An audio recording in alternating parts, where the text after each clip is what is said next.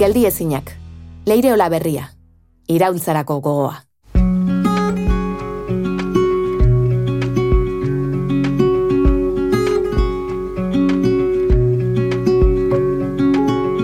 Michael Jordanek munduko jokalari honen azenean, saskibaloia utzi eta beisbolera pasako zela iragarri zuen.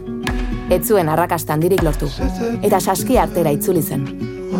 Jerry Rice futbol amerikarraren historiako hartzaile honenetarikoa izan zen, baina disiplina zaldatu eta golf profesionala probatu zuen. Bere lehen txapelketan, eunda berrogeita amabi jokalaritik, eunda berrogeita maikagarren postuan amaitu zuen. Usain Boltek, munduko gizonik azkarrenak, futbolean jarraitu nahi izan zuen bere kiroli bilbidea. Zortzi astez, Australiako Central Coast Mariners klubean aritu ostean, kirola utzi zuen. Ez da erraza disiplina batean arrakasta izan ostean, beste batean gaientzea. Edo bai, leire hola berria bazara. Nere ikiroli bilbidea bigarren aukeren ibilbide bat izan da. Eta azpin marratzekotan agian nik nere buruan sinisten nuena, baino ba, kanpotik nigan gehiago sineste zuten pertsonak egon zirelako eman da. Bestela oso garbi da gaukat, nere gati bakarrik izan da zen, inoiz etzela emango.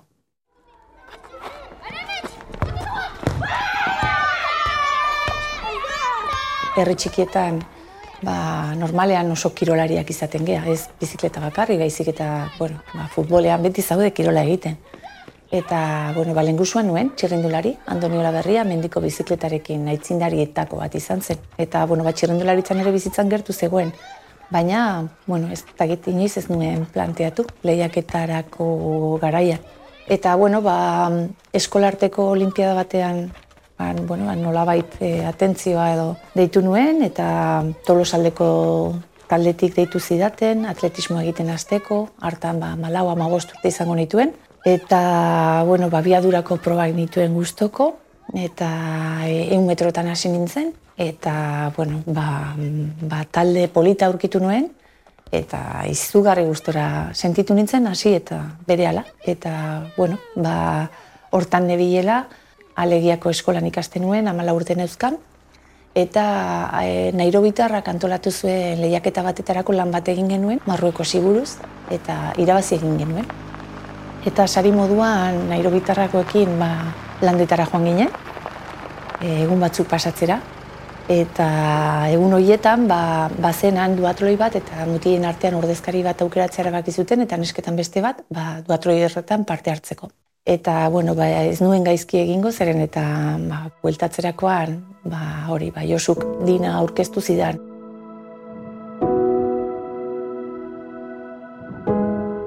Urtea amaitzeko jaio zen Dina Bilbao, eta hala ere, behar baino lehenago jaio zela esan genezake. Mila behatzeunda irurogeiko abenduaren hogeita maikan jaio zen Dina Bilbao, ondarroan.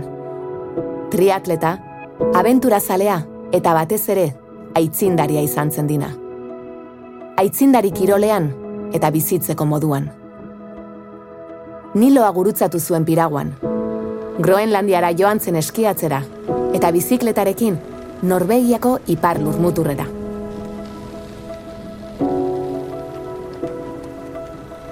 Mila behatzion da laro mazazpian desagertu zen dina Bilbao, Karibeko uretan, Granadatik Antiguarako bidean.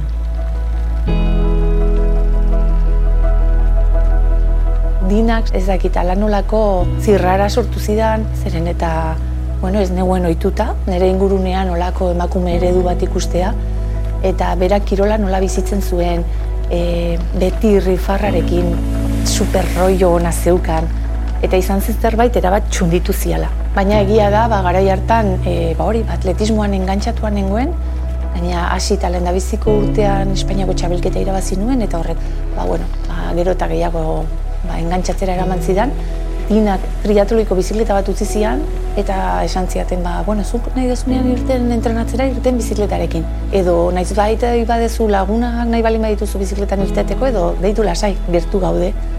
Denborarekin agian konstienteago izan naiz, ez? Bere ereduak e, nigan sortutakoa, beren eta, bueno, ba, ez zen ohikoa, garai hartan, dina gainera mutile zinguratuta ibiltzen zen beti, entrenatzen egia da ere ba, txitsi eta gero hainu hartola zabal eta bueno, ba, hor badela kate luze bat ez, sortu zutena.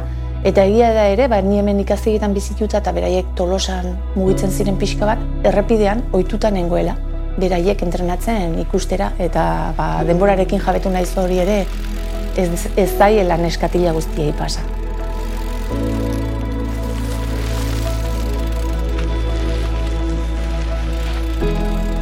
Ikusi eta sinistu, etxe bereko aditzak dira.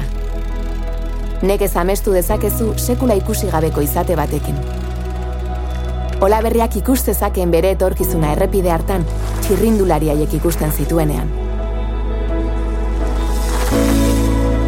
Agian kate horren jabetza benetan e, txirrendularitza ibilbidea amaitutakoan izan dut, ez? Zeren eta egia da, barruan egun naizen bitartean, nola erreferente asko ez neuzkan gertu, ba, ba beti bilatu izan ditu dela neuk erreferente horiek, ez? Eta momentu hortan bagian ez zidala gehiagia xola, emakumezkoa izan edo gizonezkoa izan. Eta lehiatzen hasi nintzen neurrian, eta mundu mailan e, lehiatzen hasi nintzenean oraindik gehiago, ba, antxe bilatu nituen, ez? Referente horiek agian, ba, hasi astapen horietan ez zeuden, baina bueno, berdin zitzaidan, ba, gizonezkoa balin baziren, ba, biz, beraiek, beraiek hartzen dituen erreferentetzat, ez? Agian nik uste dut, kate sentsazio hori gehiago ulertu dut txirrendularitzatik e, aldendu naizen neurrian, ez? Barruan zaudenean ez da erreza. Ez da erreza batez ere, ba, oso gutxi daudelako, eta oso gutxi hoiei, hori eritzi pertsonala da gainera, ez e, iruditzen zait inoiz e, zaiola benetan izan duen baliorik eman, ez? Agian orain bai gaude, ba, agian gizarte bezala gauza hoiei nolabait buelta eman nahian, zeren eta agian seguru nago gaur egun askoz gehiago hitz egin dela beraietaz, bere momentuan hitz egiten zenaz baino, baina momentuan normaltasunez batek e, onartu egiten du dagoena eta bat, bai atletismoan eta bai txerrindularitzan bidea egiten joan nintzen neurrian, ba, ba, bueno, ba, gauza desberdinetaz, ez? Jabetzen joan nintzen, baina egia da, e, ibilbidean zehar motibatu nauen sua edo gauza bakarra nire limite horiek, ez? Hobetzea izan dela, bai fisikoak, bai psikologikoak. Egia da, atletismotik etorrita, txirrendularitzako hasierako hilabeteak eta urteak ez zitzaizki dela errezak egiten gauza asko ulertzeko. Kirol berdinago batetik netorren, eta bat batean txirrindularitzara iristen naiz, non emakumearen papera ba, bazirudien zegoela podiumetan, sariak emateko, eta hortik aurrera gainera ba, geneukan nolako etiketa bat oso bereziako teginen edo ez dakit ez. Eta gaur egun beti defendatzen dut, ba, hogeita sei urterekin e, aurkitu nuen egoerak sua piztu zidan barrutik, baina kostiente naiz agian amasei urterekin aurkitu banuen egoera hura ziurrenik aurrera egin baino atzera egiteko e, ba, osagai gehiago zaudela. Atletismoan lan egiten ikasi nuen, eta bapatean ba, iristen naiz txerrendularitzara, eta hori, lehen biziko zailtasuna bizikleta bat topatzea izan zen. Prestatu ziatena uste dut behar nuena baino hiru edo taia handiagoa zela, anuetako belodromoan ezagutzen duenak badaki teknikoki ze belodromo zaila de, eta noski, ba, atletismotik mentorren, eta un metrotan, ba, Espainiako errekorrak eginan neuzkan, beraz, ba, niretzat ze, bueno, naiz azkarra orain, baina izango naiz.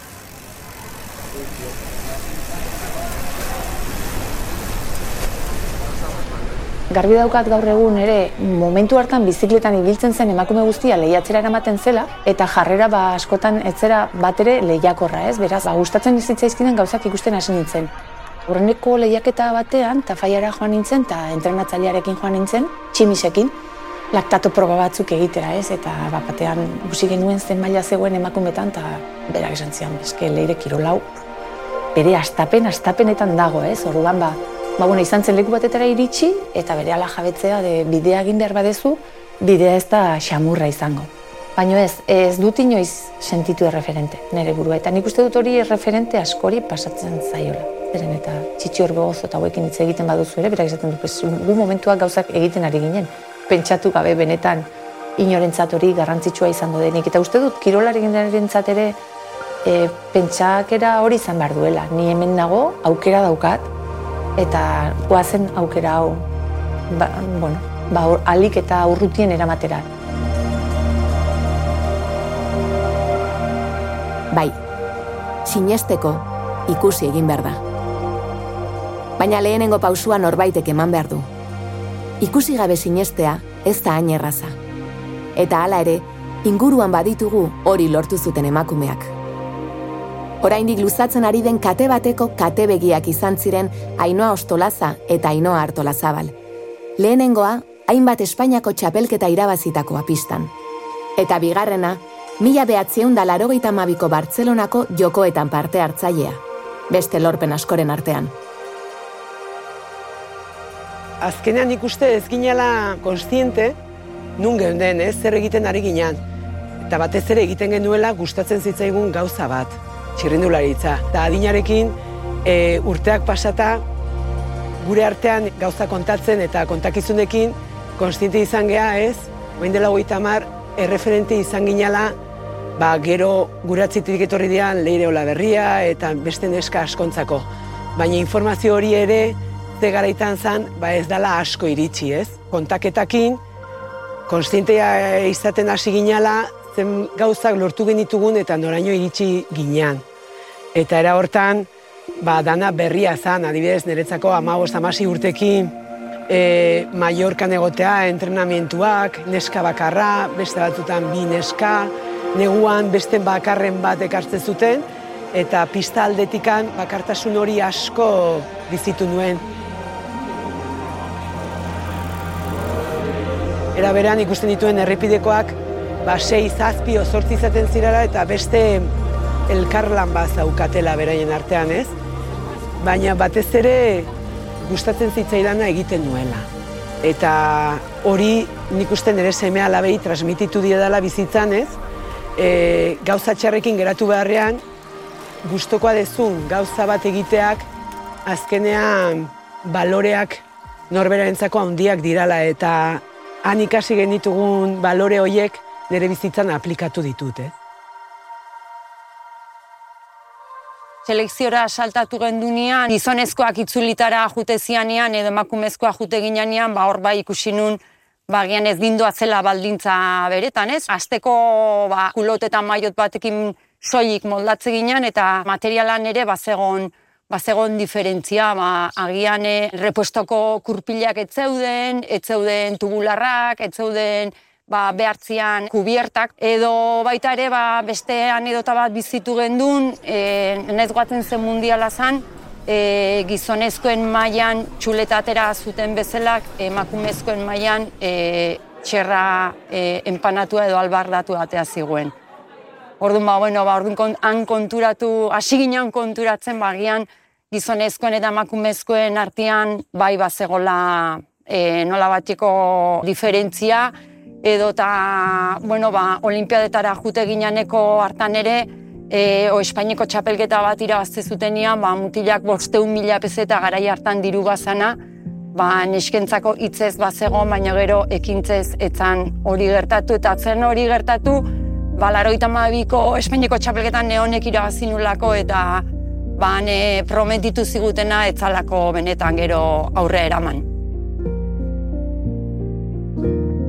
Orbea etxe ondo taldeko txitsi orbegozo. Carolina Sagarmendi, Dina Bilbao, Josune Gorostidi eta Amaia Losegik luzatutako sokari jarraituz jarduntzuten Ainoa Ostolaza eta Ainoa Artolazabalek. Eta soka beretik jarraitu zuen Joanes Omarribak. Bi giro eta hiru tur irabazi dituen txirrindulari bizkaitarrak. Ba, Joanes Omarriba noski bere lorpenak ezagutzen dituen zeren eta bueno, ba, Euskalduna izan da telebistan ikusten genuen, turra irabazten, giroa irabazten, munduko txapeldun izaten, baina egia da hori joan erekin e, Bilboko festeteako kriterium batean koinziditu nuen, niretzat lehen biziko lasterketetakoa, joan handia ondoan, eta zuan ez dela usartzen, ez da ez da mogitzera kasi. Eta han ezagutu nuen joan, eta gero joanetaz berarekin baino gehiago ikasi dut joan erentzat lan egin zuen jendearekin lehiatu dudalako eta benetan goratzen zuten taldekideak. Eske garai hartan joanek baliabideak izan bazituen, gaur egun daudenak, zei bilbidez, arituko ginateke izketan, baina bueno, hori momentu horiek bizitzea tokatu zaigu eta zegoenarekin ariketa honena eman dugu eta babitu ze kuriosoa ere, joanek tamalez nahiko gazte utzi zuen kiroli bilbidea, zeren ama izan nahi zuen. Garai haietan ezagutzen genuen amatasun modeloa zen, ba, ezakit Ukraniarrak, Errusiarrak, ama zirenak eta Italiara etortzen ziren lastertzera umeak han atorrizko herrialdean utzita. Orduan, amatasun eredu hori ere, ba, nor nahi du beretzat.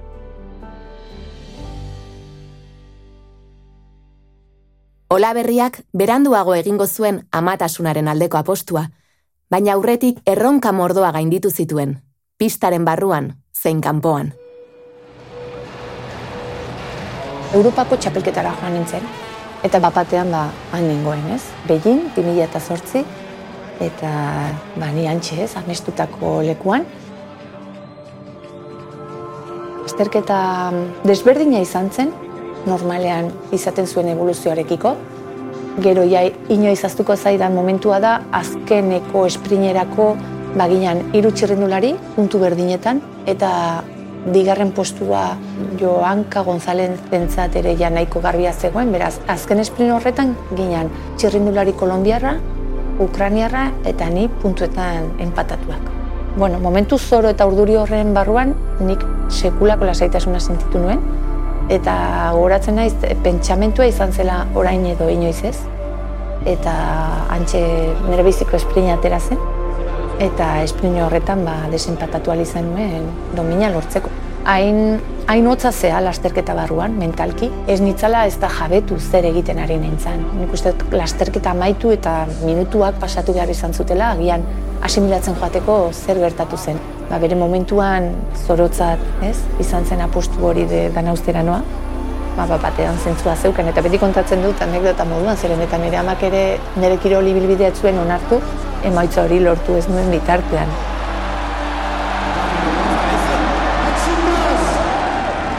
E, emaitza lortu eta bi edo hiru egunetara, inoiz sentitu ez dudan utxunerik handiena, sentitu nolako, alako, bueno, depre pasajero hietako bat, zeren eta izan zen bizitza guztia honen atzetik, pokoetara iritsi zea, domina bat lortu duzu. Ba, orain, zerk motibatzen zaitu, ez? Azkenean, e, lortzen diren ametxek ere badaukate beren ondorioa eta hori. Ba, emozio estanda hoien osteko eguna ere, oso gogorra egite zitzaidan, zeren eta esaten nuen lortu duzu, nahi dezuna, eta bapatean, utxik zaude orain, eta, bueno, nik uste dut e, emozio hoien ba, faktura ordaindu nuela ere, ez? Eta, bueno, ba, inoiz bizi eta sentitu ez nituen gauzak, sentitu nitu.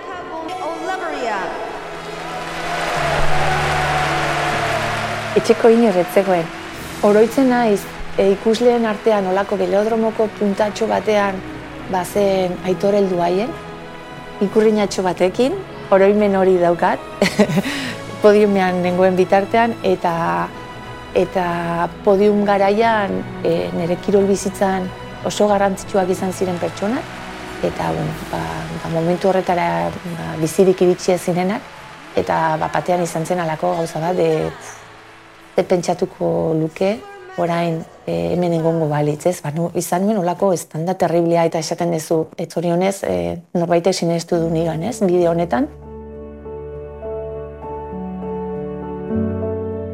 Datuak eskuetan eta pedalak oinetan. 2000 eta zortzian, Beijingo Olimpiar jokoetan Leire Olaberriak brontzezko domina lortu zuen. Hogeita maika urte zituen. Ama urte lehenago, atletismoan juveniletako eun metroko Espainiako marka utzi zuen. Nork daki etorkizunean, Leire Olaberriak ez ote duen beste disiplina bat aukeratuko. Nik e, ez zeren gainetik kirolaria. Sentitu izan dut beti nire burua eta bueno, ba, atletismoan lortuen dituen ametsak lortu nituen txirrindularitzan, baina gaur egun ikusita zemat aukera dauden, beti esaten dut, utxienez amar bizitza beharko nituzke, e, kirol bakoitzean ibilbidea egin alizateko.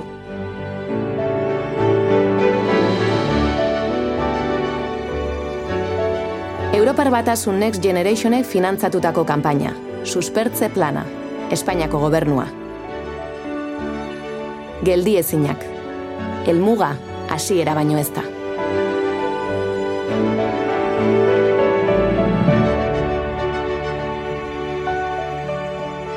Zuzendaritza, Inigo Asensio. Ekoizpen eragilea, Elena Etxebarrieta. Gidoia eta muntaia, Goiuri Ezeiza. Soinu postprodukzioa, Noiz Estudioa. Lokuzioa, Oiana Maritorena.